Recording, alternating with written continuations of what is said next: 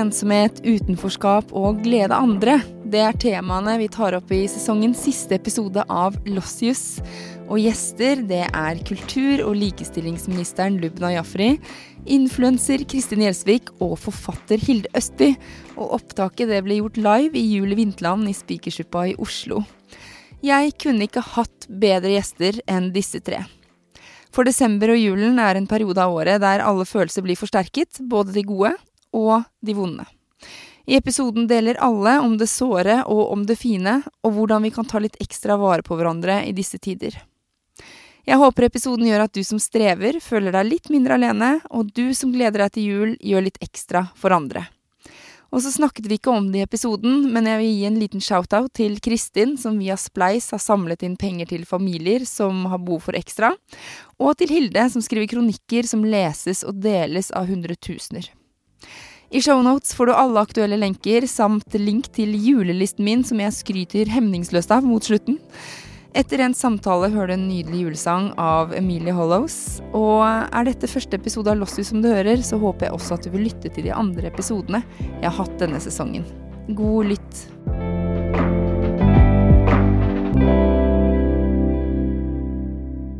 Velkommen til Lossius, Lubna Jafri, Kristin Gjelsvik og Hilde Østby.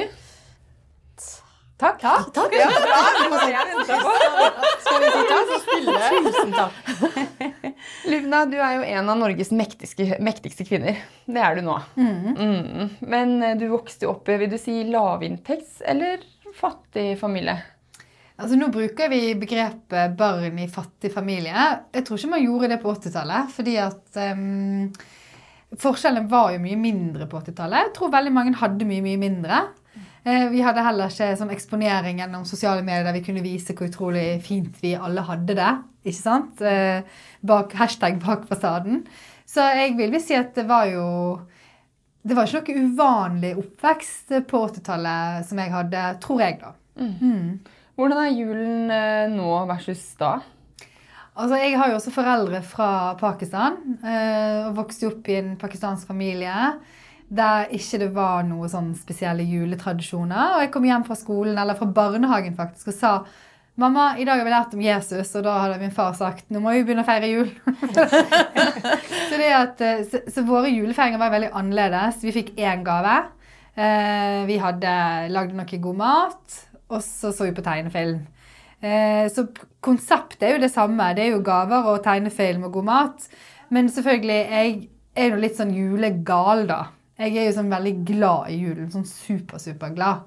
Uh, og, og, så jeg eh, liker å ha liksom masse julepynt og masse folk rundt meg, og syns at det er viktig da, for meg. da. Så den er jo veldig annerledes julefeiring enn det jeg hadde i min oppvekst. Men jeg tror det er noe av det viktige at vi kan lage de julene vi har lyst på som voksne mennesker i dag. da. Mm. Mm.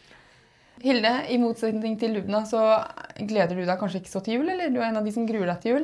Ja, jeg er jo en av de over en million nordmenn som gruer seg til jul hvert år. Eh, jeg jobber med det. Jeg gjør akkurat det Lubna sier at man burde gjøre. Altså, jeg er voksen nå. Jeg kan skape min egen jul, og det gjør jeg eh, så godt jeg kan. Først og fremst ved å fokusere på relasjoner.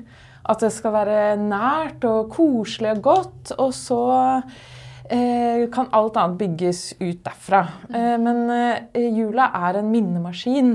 Mm. Ikke sant? Alle lyder, alle sanger Forskning på hukommelse Jeg er sånn forskningsnerd.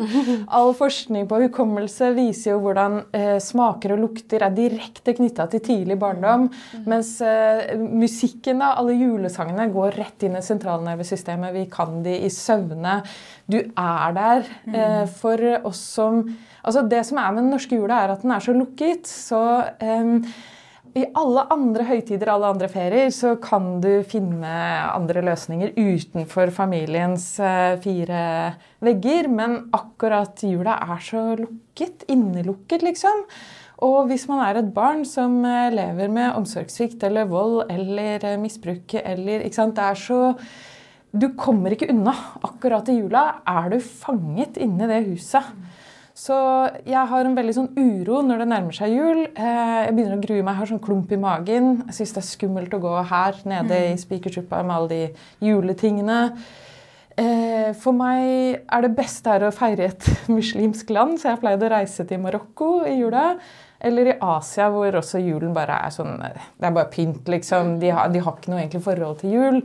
Det er de beste julene jeg har hatt i mitt liv. Når, når alle andre ikke feire jul. Da blir jeg sånn lettet og glad, da. For da er det et vanlig liv da, rundt meg, og jeg er ikke fanget.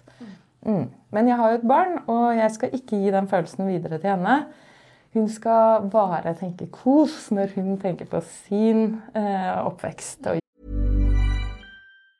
Many of us have those stubborn pounds that seem impossible to lose, no matter how good we eat or how hard we work out. My solution is PlushCare. PlushCare is a leading telehealth provider with doctors who are there for you day and night to partner with you in your weight loss journey. They can prescribe FDA-approved weight loss medications like Wagovi and Zepbound for those who qualify.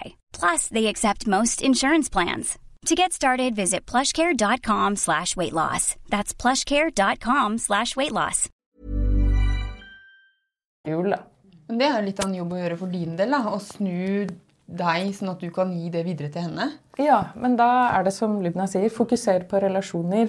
Få det nære, gode, trygge. Jeg passer også på å åpne huset vårt. Jeg vil invitere folk inn, så jeg har venner inn. Sant? Venner, som familievenner som alle i huset elsker. Og når vi lager mat sammen og ser på film og sitter i armkroken, da er det skikkelig koselig, selv om det da er merkelappen jul på det hele. da. Men også i tillegg så er det et aspekt til da, som jeg har skrevet en kronikk om tidligere. Jeg er jo en av veldig mange nordmenn som har en spiseforstyrrelse. Og akkurat i jula så er det så veldig fokus på den maten. Når jeg var 15 år, så ble, utviklet jeg anoreksi, og seinere har jeg blitt overspiser. Men uh, anoreksi og overspising det passer liksom ikke helt inn med det der kosen, kosen, julematen. Uh, alt handler om uh, mat, og hvis du syns det er problematisk, så vil du helst unngå de situasjonene med sånne store etehyller. rømme. Ja, det er det. Så det kan være veldig sånn trangt, og derfor så tenker jeg at vi må gjøre jula mye større. Min drøm er at det er en stor folkefest midt i byen. At dette stedet her, Spikersuppa, er fylt av folk som danser og synger og drikker gløgg sammen. Det hadde vært så utrolig fint da, for sånne som meg. Og den millionen da, som ikke har det så veldig bra i jula. da. Kristin, i fjor så grua du deg litt fordi det var første julen uten sønnen din etter et samlivsbrudd. Ja. Hvordan var det? Ja, Det var veldig rart, for jo, livet skjedde jo plutselig så brått. Og alt det du hadde sett for deg og drømt om og gledet deg til, det skulle jo bare aldri bli noe mer. Og det å ikke skulle feire jul med sønnen sin, det var så rart. Og det var jo da min eh, For vi hadde jo annenhver eh, jul med våre, våre foreldre. Sant, og farmor, farfar, mormor og bestefar. Og, og da var det Stavanger-gjengen sin tur i fjor. Kjemperart. Så det var, jeg gruet meg veldig lenge frem til det. Eh, Jeg begynte å grue meg i november. og bare sånn, Hvordan skal jeg takle dette her? Og sitte på flyet ned til Stavanger og si ha det. God jul, da, gutten min. Kos deg masse. Og, og den flyturen på vei hjem igjen, da, den, den var ganske tung. altså. Da, da gråt du, da. Ja, det gjorde jeg. Jeg kjente at nå følte jeg meg, jeg følte meg så ensom, selv om jeg har veldig mange rundt meg. Og jeg hadde jo en invitasjon selvfølgelig til mine, altså min mor og min, eh, min stefar oppe på fjellet, og de feiret da med min stefar sine barn. Eh, Men, men jeg følte meg likevel veldig ensom, for plutselig var det ikke den familien jeg hadde hatt. Min egen familie, den var splittet, og så sto jeg veldig alene. Og det er det utrolig mange som kjenner på i julen. tenker jeg. Og jeg husker selv når mamma og pappa skilte seg som 14-åring. Og etter det så var liksom julen noe helt annet. Som ikke er lett i det hele tatt. Og du har skrevet en hel bok om ensomhet. Ja, altså Ensomhet, eh, sånn som jeg definerer det i boka, handler om å ikke føle seg som del av en flokk. Og det er mange måter man faller ut av flokken på. Ehm, I Norge nå som det er over 100 Eller før dyrtiden så var det 115 000 barn som vokste opp i relativ fattigdom i Norge. Nå sier økonomer at det er 100 000 familier til som kommer til å ikke klare renteoppganger. Så det å være fattig i Norge, det er veldig utafor følelse. Særlig fordi forskjellene har økt så mye. Så vi forventer en helt annen levestandard alle sammen. Så det er som enda mer skam å være fattig i dette rike landet her. Og så alle som ikke, ikke sant, regnes med inn i fellesskapet, vil jo føle seg utafor i jula. Eh, og det å miste flokken sin, sånn som du opplevde i fjor, da, Kristin, det er jo ikke sant? eh, Det er ensomt, det. Eh, flokkene våre er skolen, jobben, studiestedet, men selvfølgelig aller mest familien, da. Eh, og så er det jo alle de som vokser opp i Norge som ikke sant? Hvis du er muslim i Norge, så vil du vel kjenne på det på en eller annen måte? Luna? Jeg tror ikke, altså Nå er ikke jeg muslim, da, men eh, eh det er jo slik at eh, eh, det er jo ikke nødvendigvis religion altså for muslimer. da For ta den, Jeg er oppvokst i en muslimsk familie. Ja. Men, men, men, det er jo utenforskapet kjennes jo på hele året. Ja. Det å være annerledes, det kan bli forsterket av høytider. Men jeg er veldig opptatt av at ja, det å ha lite råd, det er med på å skape et utenforskap. Men julen skaper også et utenforskap som ikke nødvendigvis bare handler om hvem som får de fineste gavene. eller eh, Det er veldig viktig. Og jeg har jo selv eh, opplevd et samlivsbrudd sant? Eh, når datteren min var liten. Og det å miste det fellesskapet, som, som også du snakker om, ikke sant, Kristin? At det eh, hva gjør du da? Hvem skal du være med? Og jeg, har, jeg er helt enig i det som du sier, at vi må liksom åpne opp da, åpne opp julen, åpne opp høytidene. Og eh, slippe folk inn. Og jeg har feiret jul hos flere venner. Mm. Jeg har eh, to veldig gode venninner, så jeg har feiret jul hos eh, tre ulike ganger. Mm. Og vært hjemme hos de, vært på hytten til hun ene i fjor, f.eks. Og det er Vi må liksom vi må skape oss den julen vi ønsker oss selv. Vi må ikke være bundet av at hjemme hos oss var det mor, far, barn, besteforeldre og ingen andre. Vi må alltid gjøre plass til en ekstra. Mm. Eh, og det er jeg veldig opptatt av. Nå skal jeg ha ja, masse folk hjemme hos meg på julaften, men det er jo noe med det at vi må ikke være så bundet opp til det. Og jeg snakket med mange av mine venninner, og de sagt sånn Altså, herregud, når vi blir voksne, kan ikke bare feire jul sammen, alle sammen. Det er mye hyggeligere. Mm. Eh, og vi trenger liksom ikke å retraumatisere oss selv med at vi skal gjøre akkurat det samme. For det er jo mange som har vonde oppvekster, og det trigges jo i høytid. Mm. Eh, men så er det også mange som ikke nødvendigvis har hatt en sånn veldig krevende oppvekst, og syns likevel at jul er veldig vanskelig. Mm. For det er alle disse forventningene som skapes. At mm. det skal være sånn, og svoret skal være perfekt, og nå er det det, og alt skal skje i rekkefølge. Og så hvis ikke ting skjer i rekkefølge, så blir alltid en eller annen tante eller onkel sur, og så har du det gående. Så det er liksom det der med å slappe litt av og huske hva høytid handler om. Mm. handler om å være sammen med de du er glad i, både de som er familien din, og de som er den valgte familien din. Mm. Den er jeg veldig opptatt av. Jeg har jo nesten ingen familie, mm. så all familien min har jo jeg måte valgt selv, da. Mm. Men eh, også er det i tillegg alle de som opplever sorg i eh, høytiden. Mm. Uh, for det er jo mange som opplever at en, en nær slektning dør i løpet av i vinteren. Det har jeg fått mange meldinger av når jeg skrev denne om å grue seg til jul. Uh, den kronikken da Fra det øyeblikket den var publisert i fjor, rett før jul, fra det øyeblikket den var publisert, ti minutter etter at den var publisert, så fikk jeg meldinger konstant, non stop, døgnet rundt. Fra hele Norge? Fra hele Norge. Og mange var sånn mm. Jeg sørger. Mm. Jeg klarer ikke å være glad nå. Mm. Dette minner meg om da noen døde. Mm. Eller, eller samlivsbrudd. Mm. Eller Det er så mange eh, liksom, eh, tause grunner til at man syns det er vanskelig med jul. Eh, jeg tror den minst viktige grunnen er dette forventningspresset. Det er emosjonene, det er relasjonene til andre. Eh, det er minnene, det er eh, sorgen, det er eh, Tross alt. Jeg kan ta veldig mye julestress. Så lenge jeg tenker på datteren min, og at jeg skal få en god, varm klem av henne eh, når jeg kommer hjem etter å ha mm. kavet rundt som en gal, mm. så er det en premie i enden. Men hvis du ikke har den premien i enden, da, mm. det er da det blir så tungt med alle de andre tingene også. Ensomhet handler om, bare om relasjoner. Man er ensom forhold til andre mennesker. Så det å være alene er ikke å være ensom, men det å ikke være en del av grupp, sin gruppe, de folka du vil bli tatt imot av, det er den ekte ensomheten. Og den blir så tydelig nå i jula. Det bare eskalerer alt. da. Men hva er det ensomheten gjør med oss? Ja, det er jo kjempeskadelig, da. Da burde jo egentlig eh, helseministeren sittet her. For det bryter jo ned kroppen innenfra. Det er et type giftig stress som gir seg utslag på eh, folkehelsestatistikken. Altså, det er kanskje den eh, mest skadelige vi kan utsettes for. Eh, når vi er i sånt intenst stress over lang tid, kronisk ensomhet, da, det bryter ned kroppen innenfra. Immunforsvaret, fordøyelsen og søvnen blir ødelagt. Og så er det en sterk driver inn i hjerte-karlidelser, autoimmune sykdommer, diabetes, depresjon, kreft til og med alle typer spiseforstyrrelser, alle typer avhengigheter, har med ensomhet å gjøre. Og det er fordi vi prøver å døyve det på alle mulige måter vi kan. Og det er litt derfor jula er ekstra vanskelig for folk med både rusproblematikk og eh, spiseforstyrrelser. Fordi hvis du allerede føler på den ensomheten, så er det ganske mye rus å ta av. og det er ganske mye som har med mat å gjøre i jula, så du får virkelig forsterket det sånn fra alle kanter, på en måte. Eh, alt fellesskapet der ute som du ikke er del av. Og så er det all den maten du sitter med tilgjengelig, og all den rusen som er veldig tilgjengelig. da. Mm. Eller også alkohol, da, i hvert fall. Ikke sant? Så det er, det er en veldig sånn selvforsterkende spiral. Hvis du er litt ensom i det jula begynner, så kan du rekke å bli veldig veldig ensom i løpet av bare den ene uka. Mm. Ja, for det er en veldig uke hvor alt intensiveres. Jeg husker selv, eh, jeg har lyst til å ta litt videre på det ved å invitere inn sammen med deg, Kristin. Fordi når, jeg, når mamma og pappa skilte seg, og de bodde utenlands eh, med sine respektive partnere flere år, så feiret jeg med mormor. Jeg jobbet et par julaftener. Eh, jeg feiret med min fetter og en venninne som pappa er prest, så de var vant til å ha folk på besøk, for han tok inn. Og det, det betydde så innmari mye å ikke måtte være aleine når liksom kjernefamilien var, var i oppløsning. Og det var det du gjorde i fjor, mm. Kristin. Mm, ja.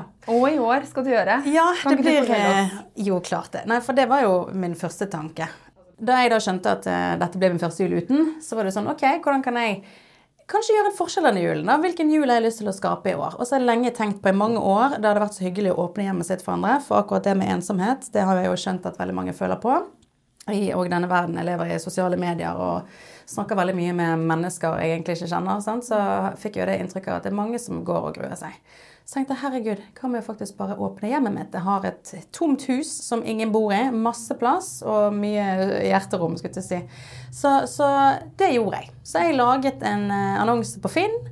Vil du feire jul med meg? Og så hadde jeg jo en kapasitet på ganske mange mennesker. da. Og vi endte Hvor mange da? Eh, jeg, jeg, jeg sa 30 som tak, men, eh, men vi ble ikke 30, vi ble 15. Og det var helt fantastisk. Vi hadde vel egentlig blitt nesten ja, vi var vel 20 påmeldte, men det var noen som trakk seg i siste liten. Noen syntes det ble for vanskelig, og det skjønner jeg. Det er jo bare å komme hjem til noen vilt fremmede mennesker og møte igjen mennesker du ikke kjenner. Det kan være veldig overveldende. Og så var det noe sykdom. Men vi ble 15 stykker totalt, og det var altså en så fantastisk julaften. Altså Den opplevelsen den, den, den ser jeg virkelig bare tilbake på som noe av det fineste jeg har opplevd. Og da ble jo den julaften som jeg egentlig gruet meg til, til noe helt annet. Det ble en skikkelig skikkelig fin dag. Og vi samlet stort og smått. Altså Det var unge, det var, det var godt voksne, det var en eldre kar. Sant? Det var mange forskjellige eh, mennesker med ulik bakgrunn. og det, det, var bare helt fantastisk. Så vi utfylte hverandre så godt. Jeg skulle godt. ha kommet deg òg, da. Ja, ja, vet du hva, du skulle kommet der. Ja, det, ja, ja, ja, det Ikke for å diskreditere de du feiret i i Nei, Selvfølgelig ikke, men jeg innser det at uh, Jeg skulle dumpa datteren min og kommet til deg. Ja, men det var altså også, Jeg var jo selvfølgelig litt nervøs i forkant. For jeg er sånn OK, hvem er det som kommer her? Du aner ikke. Er Det jo ikke sånn at du Nei, men altså, jeg tenker at Dette er bare fine mennesker. De kommer fordi de har lyst til å bare ikke være ensom den dagen. Mm. Og, og, ja, gjøre noe kanskje som er litt utenom det vanlige. da. Men det hvordan var samtalene? Fikk dere nære samtaler på, når man samlet på det, ble samlet på den dagen? Altså Ble det noe ekstra? Ja, etter hvert så ble det ja. det. er jo klart at Den første halvtimen så var det mer sånn OK, hvem er alle? Sant? Ja. Og så, eh, så var det heldigvis en sånn god miks. For det var både de introverte, men det var også de ekstremt ekstroverte. Sant? Så det, det, ble en god flyt i samtalen, og alle følte seg litt sånn trygge utover kvelden. Og så ble det åpnet opp for å faktisk snakke om nære, såre ting. Mm. Og, og, her var det jo alt fra en som har vært en jente, ung jente i 20-årene, som har vært sånn kasteball innenfor barnevernet, sant? og egentlig ikke hatt noe familie. Eh, hun kom til foster, en fosterfamilie da hun var 13, eller noe sånt, men med en gang hun ble myndig, så bare sa de fra seg henne. Mm. Så de eneste som var på en måte hennes omsorgspersoner i livet, de bare valgte å trekke seg da hun ble gammel nok. Vet, de får vel kanskje liksom. ikke penger. Det var jobben gjort. De får vel ikke betalt lenger. Hva vet jeg. Og det å virkelig føle null tilhørighet noen steder, så det var noe hun syntes var veldig vanskelig. Men det var så tøft at hun tok kontakt, og hun faktisk kom. For igjen, altså ja, Det står så respekt av de som faktisk tør å gjøre dette. Sant? Og så var det en som kom med tog fra Skien, og noen som kom lenger vekk fra. Og det var bare så utrolig fint. Altså den gjengen vi ble den dagen. Eh, samlet, ja, som sagt, litt sånn stort og smått. Og så var det de som var virkelig ensomme. Men så var det også en, eh, en eh, kvinne som jobbet i helsevesenet som eh, Hun kjente egentlig ikke på ensomhet, men hun skulle på nattevakt. Så hun hadde egentlig ikke lagt opp til noe sånn spesiell julefeiring, så hun syntes det var hyggelig å ta turen innom for å slå av en prat med mennesker hun ikke hadde møtt før. Men skal jeg si noe tankevekkende? Og det er at uh, køen av folk som har lyst til å bidra til alternativ julefeiring, Ja. er lengre og lengre. Så hvis jeg melder meg nå, så får ikke jeg, det er det ikke plass. Det er så mange som vil hjelpe til på julaften. Oi! At det er ikke plass for alle de. Og det sier noe om at Og alle de som vil hjelpe til på julaften, er jo sånne som meg, som også føler på ensomhet. ikke sant? ja. Men vi, bare, vi blir så glad av å hjelpe andre. Eh, Det er en måte å komme ut av ensomheten på uten å liksom bli et passivt offer for ensomheten. Vi blir veldig lykkelige av å hjelpe hverandre. Det er det du sier, da, Kristin. Du gikk jo ut av ensomheten med å hjelpe noen andre. ikke sant? Ja. Og det ga deg glede. Ja. Og du gjør det samme i år òg, ikke sant? Bare Ja. frokosten. Ja, da blir det julelunsj. Ja. Så da eh, Nå bor jeg i en litt mindre bolig, da, men i det leilighetskomplekset så har vi en sånn utleieenhet. Så den er leiet da, fra lille julaften til første juledag. Og så dekker jeg på og får inn julelunsj, catering og full pakke. Med julenisse som kommer. Det blir litt mer barnevennlig. Og det tenkte jeg også var mye grunnen til at jeg ønsket å gjøre en julelunsjaktivitet. For på kveldstid kan det fort bli litt problematisk med de som kommer med barn, og gjerne de som kommer litt langveis fra seg, leggetid og så litt sånn det, det kan begrense det litt, da. Så en julelunsj tenker jeg blir fin. Så jeg har avtalt med min sted, for han skal komme og være julenisse. Og så får jeg gaveønsker fra disse barna som kommer, da, sånn at alle får en liten ting som de ønsker seg. Og med julesokk med forskjellige snacks og, og litt sånn goodiebags. Sant? Så det skal være et sted man kan komme og møte andre, og ja, ja kjenne litt på et fellesskap og, og bare ja, få en litt sånn god, god start på den dagen som kanskje kan være veldig vanskelig for mange. da. I- Jeg leste at eh, Virke anslår at eh, vi kommer til å bruke 133 milliarder kroner på julehandelen i år versus 130 milliarder i fjor. Og julehandelen er jo ikke bare gaver, men det er jo alt annet. Eh, og da, altså, og så kommer du Du kommer til å skrive, eller nå spiller vi inn litt før den her blir gitt ut. Ja. Eh, men om det med gaver. fordi en, en undersøkelse YouGov gjorde for Unicef og viser at fire av fem nordmenn har fått en gave de ikke trenger. Eh, så det er jo et eh, gaverace uten like, og man trenger kanskje ikke disse. Man ønsker seg disse ikke. Altså, hva tenker du, Hilde? Nei, Jeg skrev en eh, kronikk om gaver, fordi jeg tenker at vi burde hatt denne samtalen for flere år siden. Allerede nå står vi overfor klima, en klimakrise. Det føles helt forferdelig for meg å gi en eller annen plastikkting til datteren min som bidrar til den forurensningen hun skal leve med konsekvensene av om 50 år. da, ikke sant? Kan, det, er, det er så dobbeltmoralsk. Jeg vil jo heller ikke lære henne opp til å bli en storforbruker av ting. Eh, Så jeg tenker at det skal bli eh, kanskje én gave da, hjemme hos oss. Og det er ikke noe tap, det er, eh, en, det er noe vi vinner på. Fokusere på andre ting enn gaver. De første gavene i Norge ble gitt for 150 år siden bare. Eller sånn litt over 150 år siden. Det var eh, pynt på juletre som var spiselig. Og nå er vi ikke på pynt på juletre lenger. Nå er det harde gaver, nå er det iPhone til 10 000 kroner. Nå er det, ikke sant, Særlig i Norge. Vi er veldig opptatt av elektronikk i Norge. Har liksom en veldig utbygget elektropark eh, som vi bidrar til hvert år. Jeg tenker at vi skal eh, roe ned gavene. Også, altså både for vårt eget velbefinnende, for klimaets skyld, for å roe ned hele den der gavegaloppen. Hva er det som er viktig med gaven, da? Det er jo symbolet. Det står for noe. Det står for samhørighet og at jeg forstår hvem du er. Eh, Så jeg tror jeg skal bli hun kjipe som gir en klem til jul, eller en skitur. Gavekort på skitur. Og lånte ski. Opplevelser. Mm. se film sammen og eh, spise litt godteri er en veldig fin gave, syns jeg. Altså at man gjør ting for hverandre istedenfor de, de gavene, da. Hver gave er symbol på penger. For mange så er de pengene helt uoppnåelige. Men det er også det at også for meg som ikke lever i fattigdom, så er hver gave et symbol på penger eh, som jeg har jobbet opp, og som er egentlig tilsvarende tid som jeg kunne brukt med datteren min. Og hva er det beste for datteren min? Det er jo at jeg bruker tid med henne. Ikke at jeg bruker den tiden på å tjene de pengene som skal gi den gaven. Det er en omvei, da, tenker jeg. Hva tenker du, for du kremtet? Nei, jeg eh, tenker at eh, Jeg er helt enig. Det går ikke an å være uenig i det som Hilde sier.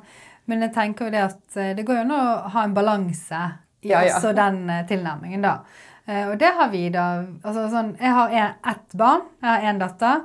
Jeg har lyst til å gi henne alt jeg aldri har kunnet få. Og det er ikke bare i form av materielle goder, men det er først og fremst i forhold til at jeg kan gi henne masse av min tid og masse av mitt overskudd og min kapasitet. Eh, så i går kveld så pakket jeg inn 24 kalendergaver til henne. Hun er student, bor på hybel. Eh, og jeg fikk aldri julekalender av mine foreldre. Eh, fikk sånn tikronerskalender. Det var fint, det. Men når jeg flyttet for meg sjøl, jeg fikk aldri den hjelpen. Og det at jeg har kapasitet og mulighet til å gi den hjelpen til min datter, det har ikke jeg dårlig samvittighet for. Så jeg er helt enig at det med forbruk det er noe vi alle må tenke på. Og det tenker jeg, det må vi tenke på også når det ikke er jul. Vi Ja, må tenke ja, på det hele året. Så det vi har gjort, da eh, Dette var en stor diskusjon eh, blant oss, eh, hva vi skulle gjøre med gaver på julaften. Og der er vi blitt enige om at alle voksne de får én gave. Mm. Og, er en, og så trekker vi lodd hvem som skal kjøpe gave til hverandre. Så da er det den ene gangen du kjøper til voksne.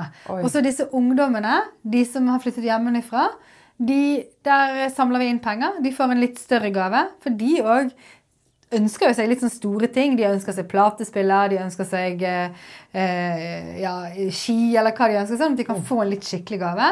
Og så småttisene, de får fortsatt gave av foreldre og besteforeldre og sånn. Men at det, det er ikke sånn at alle må kjøpe denne plasttingen. da. Ja. du måtte komme på et eller annet til han Ja, onkelen. ikke sant? Og det, det gjør ikke vi. Så det er liksom det der med å finne balansen. Men jeg tror jo eh, jul er veldig med på å forsterke det der eh, jaget da, etter å skulle gi og motta. Og det er helt å si, gave er jo en, det er en økonomisk transaksjon mellom to personer.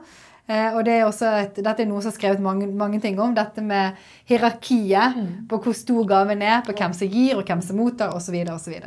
Men så tenker jeg at um, at det er en fin ting, da. Så jeg skal kjøpe, jeg skal kjøpe et par gaver. For at, uh, altså jeg skal kjøpe til mitt eget barn, og så skal jeg kjøpe til noen andre som jeg har trukket i lodd. Og så får han jeg sammen med selvfølgelig også en gave. Men det er jeg opptatt av å gi opplevelser og ting som vi kan huske sammen, da. Eh, mer enn en ting, da. Vi har avtalt i år at vi ikke skal gi til voksne. Og jeg må si sånn helt egoistisk, så angrer jeg litt. Vi det er så koselig å få gave selv. Og så syns jeg også det er veldig hyggelig å gi. Men jeg syns ikke det er noe gøy når jeg får sånn eh, bilder på sånn bestilling. Dette ønsker jeg meg. Plukk én av fem. Det er ikke noe hyggelig. Da føler jeg sånn der, eh, Da kan man liksom godt gi en 200-lapp og få en 200-lapp tilbake. Ja. Men det der med å liksom jeg, ikke, jeg, liker, eh, jeg liker gaver, da, men jeg syns kanskje bursdager er enda bedre. Altså, jeg har fått litt sånn bismak de siste julene fordi barna mine jeg har tre barn, har fått eh, ganske mye. Og det har blitt litt sånn der fatigue på slutten av kvelden. Altså, De orker nesten ikke åpne flere gaver. Eh, og da ble jeg litt sånn hva, det, her, det kjennes ikke godt ut, da. Bismak liksom på eh, mengden. At de bare er lei. Og, og vi kommer ikke, jeg kommer ikke fra noen veldig rik familie. Eller det er ikke, det er ikke, jeg kan tenke, tenke meg at gavetårnet er høyere andre steder. Men det er ikke det som er det viktigste med jula for meg. da. Og så må jeg også si at jeg liker veldig godt å gi bort eh, hjemmelagde gaver. Vi lager surdeigpepperkaker, og de gir jeg bort til en venninne. Og hvert år så blir hun så glad. Det Ja, det er fantastisk. Ja, så jeg bare gleder meg liksom hvert år til å gi det til henne. Eller liksom strikke et skjerf For av noe kan Ja, de som kan Ja, de som kan strikke. Ja, ja. det er jo Jeg strikker veldig dårlig. Jeg strikker ikke i det hele tatt. Ja, du, vet. et, ja, et eller annet. Mine venner får stygge skjerf av meg Ja. til jul, og det er fullt av kjærlighet. Ja, men det er laget med kjærlighet. Det er jo det, sant? Den tiden du bruker på å faktisk lage Ja, det. for det er jo så hjemmelaget har man jo brukt tiden om, som vi Ja, snakket om. ja. Men, men siden vi har kulturminister her, hva tenker du om kulturen kan spille inn i, i jula? Altså, kulturen spiller jo en veldig stor rolle i julen allerede. Sant? Altså, du var jo inne på det, på godt og vondt. Sant? Altså, eh, hele, hele, altså, jul i Norge er jo i stor grad en kulturell jul, selv om det er, den har det religiøse aspektet, men det er jo færre og færre som kanskje har det i fokus. Men så tenker jeg det at eh, julens budskap det handler jo En ting er at det ble et barn som ble født eh, i Betlehem og sånt. Men eh, det er jo noe med det med nestekjærlighet. Det å være god mot hverandre. Det tror jeg er et viktig budskap. Og det ser jo vi. altså Jeg mener jo kulturen eh, i form av Om det er i form av eh, musikk eller om det er i form av teater. Vi snakket litt om det i sted, Hilde. Eh, at det er jo noe med det fellesskapet, de felles referansepunktene man får gjennom kulturen, både på TV og på scener rundt omkring. Den er en viktig del av julen. Men så er det mange som ikke får lov å ta del i det, som står utenfor. Som ikke går på julestykket hver jul fordi at det er en tradisjon hjemme hos noen, mens andre har knapt vært på teater. Så det er jo jeg opptatt av, kulturminister. Hvordan vi kan få flere barn og unge til å oppleve kunst og kultur, og til å delta i kunst og kultur. Så derfor holder jeg på med en handlingsplan som kommer i mai. da. Eh, og nå er jeg rundt og har innspillsmøter med mange på hvordan er det vi kan åpne opp og slippe til flere barn og unge. da. Så neste desember så vil jeg spørre deg igjen hvordan det har gått. Ja, Men dette er jo, det er mange mekanismer. sant? Det er Økonomi er én mekanisme. Det er en barriere for veldig mange. Men også veldig mange andre barrierer. Jeg har jo snakket veldig åpent om hvordan jeg første gang var på, på kino da jeg var 14. Uh, og hvis ikke det hadde vært for Den kulturelle skolesekken, så hadde jeg aldri vært på teater. Min første teaterforestilling var da jeg var 19 år. Den fikk jeg en gratisbillett av naboen min, som ikke var kulturelle skolesekk. Så det finnes jo mange sosiale barrierer. Det finnes mange kulturelle barrierer som gjør at barn og unge ikke får oppleve eh, kunst og kultur. Så det at, nå ser vi på alle aspektene ved det. da. Jeg, Men kan, jeg jeg kan kan styrke det. deg i det arbeidet med å si at det å oppleve kultur sammen med andre, altså gå på teater, eh, kino, utstillinger etc., det eh, forebygger depresjon etter fylte 50 år. Gjør det det?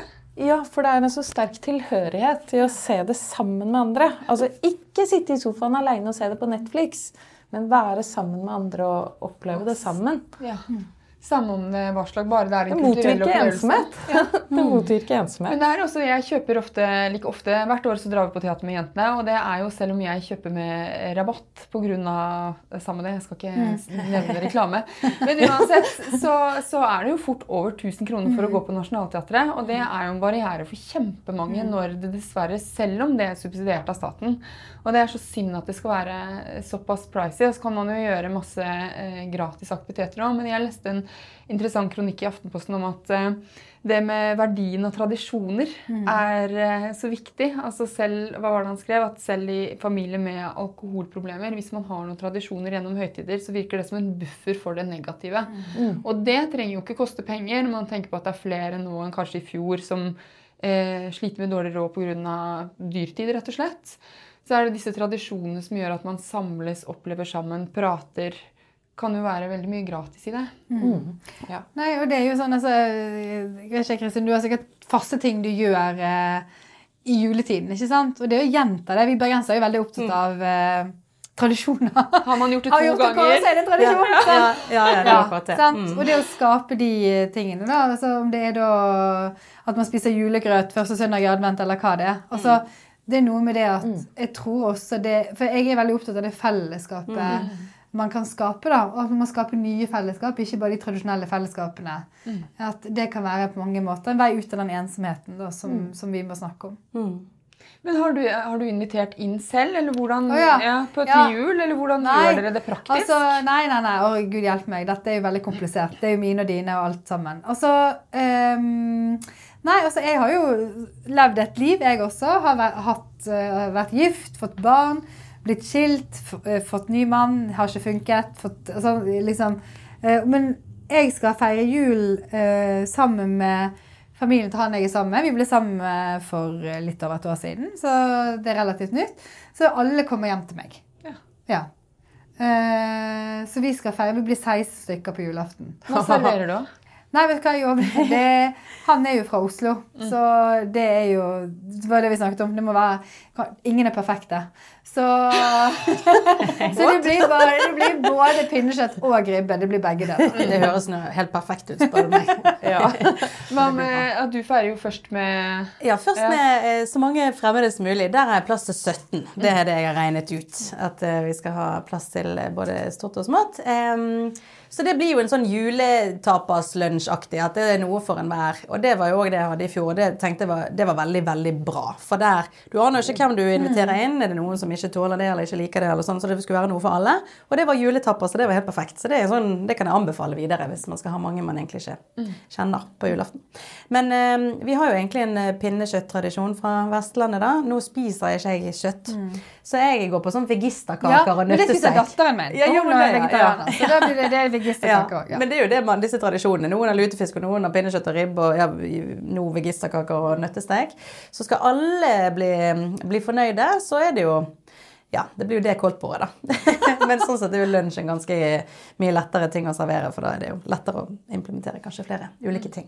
Jeg tenker at den maten blir veldig symbolfylt hvis ikke relasjonene er så gode. Jeg tenker at Det er da man blir så veldig opptatt av å få akkurat den maten som er den riktige for deg. Man blir mer fleksibel hvis man bare vil at det skal være hyggelig og bra. Ja, liksom. Men det kan være hyggelig og bra også, selv om folk har sterke ja. meninger om hva de skal spise. Ja, selvfølgelig. Det, er, jeg steller ribbe. Ja, og det er litt viktig at um, folk har jo sant? Også, Det er ikke det at det blir dårlig stemning, men det er jo, jeg syns det er veldig hyggelig at jeg sier Men vet du hva, folkens? I år så kjører vi både pinnekjøtt og ribbe. Ja. Eh, og så var det stor jubel, fordi ikke alle ser er ribbefans, selv om de er fra Oslo. så, sant, det er, Jeg kan ha veldig stor forståelse for det for noen som har et vanskelig forhold til mat. Det kan jeg forstå at det kan bli en veldig greie. Og det må vi også ha respekt for å tørre å snakke om, selv om det er veldig mange som syns at det er veldig vanskelig. Og julen er jo sånn som du sa, en tid der det har enormt fokus. Mm. Um, men det er jo Jeg tror alle rundt bordet hjemme hos meg er enige om at maten er viktig, men det er jo fellesskapet rundt det bordet. Ja. Og den stemningen ja, den er med på å skape. Mm. Og så blir det selvfølgelig spennende da om eh, alle blir like fornøyde. Det. ja, men det er bare når det fellesskapet ikke er på plass, ja. da blir plutselig den der, mm. Da blir det så avgjørende at det er den ribba på mm. den måten, ja. eller det pinnekjøttet. Da blir det symboler mm. på relasjonen. da. Man flytter liksom fokus fra mm relasjonen til alt mulig annet, gavene, mm. maten. At det skal være perfekt, på en måte. Jeg tenker at Hvis man tenker sånn som deg, da, og jeg prøver å gjøre det selv òg Relasjonen først. Mm. Alt som har med relasjoner, først. Og så kan man liksom bygge utover. Og så kan man ha en sånn artig krangel om hvilken Det er jo vanskelige relasjoner, da. Relasjoner er jo vanskelig. sant? Det er jo krevende. Um, og det kjenner man jo også i julen, ja. særlig. Men altså, det med at Norge er så familie Du snakket jo litt om det. Altså, man, man, lukkes veldig inne og er sammen med På godt og vondt da, med, med familien sin. Altså, Gruer du deg i år til jul også med det, eller? Nei, nå har jeg jo ikke noe kontakt med noe av min familie. Og eh, mannen min sin familie er i England, ja. så da er det bare oss tre, da. Mm. Og så inviterer vi litt venner inn, sånn at, eh, som vi er glad i. Folk vi er glad i. Valgte familien, da. Mm. For meg er venner ekstremt viktig, så det jeg håper jeg at vi får til en del sånn vennetreff gjennom jula. Eh, med bare sånn kos, hygge Gå litt på ski, kanskje. Jeg hater å gå på ski, men jeg gjør det for familien. Bare gjøre ting sammen, liksom. Le og tulle sammen. Det er mitt, min plan da, mm. for jula. At vi skal le masse. Mm. Mm. Men når man tenker på at eh, Nå runder vi av snart, men, men at det er det var eh, i 1990 2019 sier jeg. 2019 så var det over 400 000 som gruet seg til jul. Var det vel en link som Ja, men uansett. Det er, men det er over en million nå, den siste undersøkelsen. som gruer seg til jul. Mm. Hva kan vi som eh, For jeg grua meg til jul i mange år, og nå med tre barn så syns jeg jul er knallkoselig. Ja. Eh, takk og pris. Eh, hva kan vi som er heldige, da, hva kan vi gjøre for andre? For jeg tenker desember er en sånn måte hvor man faktisk kan bry oss litt ekstra. Så hva, hvis vi skal ta runder rundt bordet, hva var lurt? Oh, um, hvis jeg skal begynne, ja. så, eh, så, er det hvis man har den muligheten til å invitere inn åpne hjem. Og det trenger ikke være på julaften, for noen har jo òg disse tradisjonene at det blir vanskelig å komme utenom de. Men det kan være hvilken som helst dag gjennom desember. Skape et eller annet hyggelig for noen andre hvis man har den muligheten. Um, det tenker jeg kan det, det, ja, det, er mange som jeg tror setter pris på det. da, De som i hvert fall kjenner på ensomhet. Mm. At her finnes et sted der eh, døren og, døren og armene er åpne. Mm. At eh, man kan invitere inn. Det kan jo være noe, i hvert mm. fall. som kan være noe sånn konkret, i hvert fall. jeg er helt enig med deg, Kristin. og jeg, kjenner, jeg, har jo både mannen min fra Storbritannia og jeg har mange venner fra, som har flyttet hit i voksen alder til Norge. Og de sier at det er så lukka. Ja. Det er så innmari vanskelig å få venner. De, de, jeg kjenner til folk som har vært, eh, kommet fra utlandet, begynt eh, på et kontor her i Oslo. Ikke en eneste gang i løpet av ett år blitt invitert på en middag til noen. Nei. Til kollegaene sine, liksom. Kan ikke folk bare alle. Kan vi ikke alle invitere litt mer inn? Hvorfor skal det være så høytidelig? Hvorfor skal det være så perfekt før du inviterer inn? Mm. Kan jeg Eh, komme med en liten kommentar til, ja. det, kommentar til det? Fordi at en av de gjestene på julaften i fjor, han var fra Thailand. Han hadde da møtt sin kjæreste i Thailand. Det var en norsk kvinne på ferie. De ble kjærester. Han flyttet med henne hjem. Eh, de fikk to barn, og så ville hun skilles. Eh, og han hadde sitt eneste nettverk på arbeidsplassen, men ikke en eneste venn. Han hadde ingen venner. Altså egentlig Hans venner var hennes venner, og de ble jo med henne etter den skilsmissen. Så han hadde da på julaften i fjor googlet hva gjør man på julaften alene? Sant? Og da var denne artikkelen, for jeg had, had, var gjestet jo God morgen Norge, det var en artikkel rundt den julaften, og det var sånn han tok kontakt. Han ante jo ikke hvem jeg var, ingenting, så han sendte en melding på Finn på selve dagen. Sant? Og bare sånn Hei, er det, er det plass til en til rundt bordet? Sant? Og kom med, han pyntet seg så fint, og kom med blomster, så hyggelig. Men det er litt det du sier der. Selv på arbeidsplassen, der han jobbet i fem-seks år, så er det ingen da som inviterer han med. Han er nyskilt, han er helt alene, føler på den ensomheten. Så sånn, nei, for vi har våre tradisjoner, her skal ingen komme inn. Ja. Så nei, nei, nei, nei. nei. Så det er så bra det du sier der, at vi, vi må òg se de i vår Og hele tiden. Ja, hele og ikke tiden. bare til jul. Nei. Og arbeidsplassen er en flokk, selvfølgelig. Det er kjempeviktig at man har en god relasjon til de. Vi kan ikke late som om vi er så profesjonelle at vi ikke skal bli venner med kollegaene våre. Fordi vi ser dem hele tiden. Og han er selvfølgelig en, eh, også han du forteller om, er ekstra utsatt fordi han er mann og eh, nyskilt. Det er veldig typisk at menn, nyskilte menn blir veldig ensomme. Vi må huske på at eh, menn ligger på toppen av selvmordsstatistikken. Det er bl.a. derfor det er vanskeligere å bli tatt inn i fellesskap. Man, blir ikke, eh, man skal ikke vise svakhet eller be om hjelp eller ikke sant? vise seg sårbar. Det er mange faktorer som spiller inn for at menn er ekstra ensomme. Da. Og da må man gjøre det hele året, og ikke bare til jul. da. ja. Så rett og slett tenker jeg også Jeg, jeg føler ofte at vi er så travle hele tiden. For jeg løper etter livet mitt, jeg føler jeg noen ganger. Og Det gjør jeg òg. Ja. ja, jeg skal ikke si noe i nærheten er jeg tror travle, men vi er aldri ja, ja, men den travelheten ja. gjør at man deg glemmer å stoppe opp, invitere inn. Ja. Hvordan går det med deg? Altså- Sende den SMS-en. Se folk inn i øya. Jeg tror det er kjempeviktig. altså Veldig god råd. Og jeg tror at vi må gjøre det hele året. Sant? Men desember blir det veldig tydelig, og da har vi det enda travlere. Men jeg mener seriøst at det så lenge jeg, Hvis det er jeg som er ansvarlig for jul, da, hvis det er jeg som skal ha julaften hos meg, så er alltid, alltid en plass til en som ikke har et sted å være. Eh, det er viktig for meg å si. Og så er det klart at eh, noe som er viktigste for meg, det er jo å være snill og være god. Og det må vi være hele året. Eh, og så tenker jeg for desember det å, det å se folk litt ekstra. Det å spørre folk som du nødvendigvis ikke er venn med, da, men som du er mye med kanskje i ulike settinger. Hvordan har du det egentlig? Og jeg tror det spørsmålet er veldig viktig å stille. For mange spør sånn Ja, ha det fint, ha det fint. Sant? Og det er, men å skape det lille rommet der kanskje den samtalen tar plass, men da må du ha tid til den samtalen. Da må du faktisk Hvis du stiller det spørsmålet på skikkelig vis, så må du ha Ja. tid til å ta imot det svaret. Imagine the softest sheets you've ever felt. Now imagine them getting even softer over time. That's what you'll feel with Bowl and Branch's organic cotton sheets. In a recent customer survey, 96% replied that Bowl and Branch sheets get softer with every wash. Start getting your best night's sleep in these sheets that get softer and softer for years to come. Try their sheets with a 30-night guarantee. Plus, get 15% off your first order at bowlandbranch.com. Code BUTTERY. Exclusions apply. See site for details. Um, og da må du tenke med deg selv om du er klar for det. Men hvis du er klar for det, så syns jeg folk skal gjøre det. Um, det tror jeg er veldig viktig. Og så bare i alle settinger se folk i øya. Gi et ekstra smil. Si noe ekstra koselig. I det siste har nordmenn blitt mye flinkere til sånn å si til en fremmed på gata 'Så fin du var!' Det har jeg hørt flere ganger. Eh, og det er noe nytt. Og det må vi gjøre mer. Altså bare løfte hverandre litt grann ekstra. Det må ikke alltid være den dype samtalen hvor du spør. Men altså i hele, alle settinger, da. Bare gi den ekstra tiden til å være eh, snill, da. Superkjapt, hva gleder dere mest til jul? Vi starter med deg. Lubna.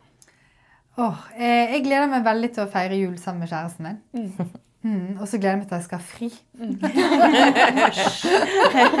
altså, jeg elsker å jobbe, men jeg, hadde bare én uke sommerferie i år, så den juleferien kommer godt. Den kommer godt. Hva med deg, Kristin? Ja, jeg gleder meg selvfølgelig veldig mye til å feire jul med min sønn i år. Sånn, siden jeg ikke hadde den i fjor. Men jeg gleder meg veldig mye til eh, denne julelunsjen. Det gjør jeg. Å åpne hjemmet mitt igjen. Og em, gi min sønn altså Dette er jo viktig for meg. eh, som også kan være sånn tips ut for alle som har små barn. Sant? Det å faktisk vise dem fra tidlig alder at det å åpne hjemmet sitt, eller det å være litt mer raus og litt mer åpen, rett og slett, og, og løfte blikket og bry seg om mange flere ting enn bare det som, mm. som du har. Sant? Altså det å, å løfte blikket litt tror jeg blir veldig, veldig viktig. Og jeg gleder meg veldig til det. Jeg tror det blir superspennende. Ja, veldig fint. Hilde, hva med deg? Jeg gleder meg veldig til eh, å gå på ski, ennå jeg hater å gå på ski, fordi jeg skal gjøre det sammen med datteren min, og hun kommer til å le av meg hver gang jeg faller, så det blir veldig gøy og koselig. Så kan vi drikke kakao etterpå. Eh, så det blir veldig fint. Så du, da? Hva jeg gleder meg til? Ja, hva gleder du deg til? Altså, meg. Eh, du, jeg gleder meg til å feire jul hjemme. Mm. Mm. og ha det rolig. Og så Jeg vet ikke, jeg gleder meg til å høre på musikk. Jeg har en veldig god playlist på Spotify selv, syns jeg selv. da. Så når jeg setter på den 1. desember, og den går på repeat, så er det god stemning i 24 dager. fantastisk Jeg trekker tilbake alt om gaver, egentlig, fordi 30% av bøker blir solgt rett før jul. Og gitt til gaver, så kjøp gaver, dere. Kjøp så mye gaver som mulig. Tusen takk for at dere kom til Lossius. Takk for at vi Takk for at vi. Takk for at vi fikk komme. Det var altså kultur- og likestillingsminister Lubna Jafri sammen med influenser Kristin Gjelsvik og forfatter Hilde Østby, som pratet så fint om julen. I shownotes finner du linker til bøker, hjelpetelefon og spillelister. Og jeg håper at alle de som gleder seg til jul, åpner opp litt ekstra i år. Og hvis du gruer deg, så håper jeg du føler deg litt mindre alene. Nå skal du få høre den nydelige låta 'Jula tilbake' av Emilie Hollows. Og jeg sier takk for følget denne sesongen. God jul.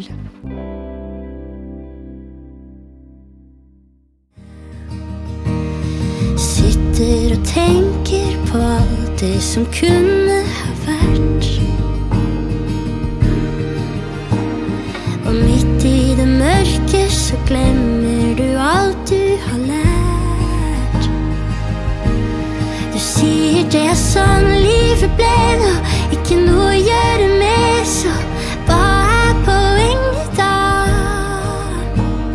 yeah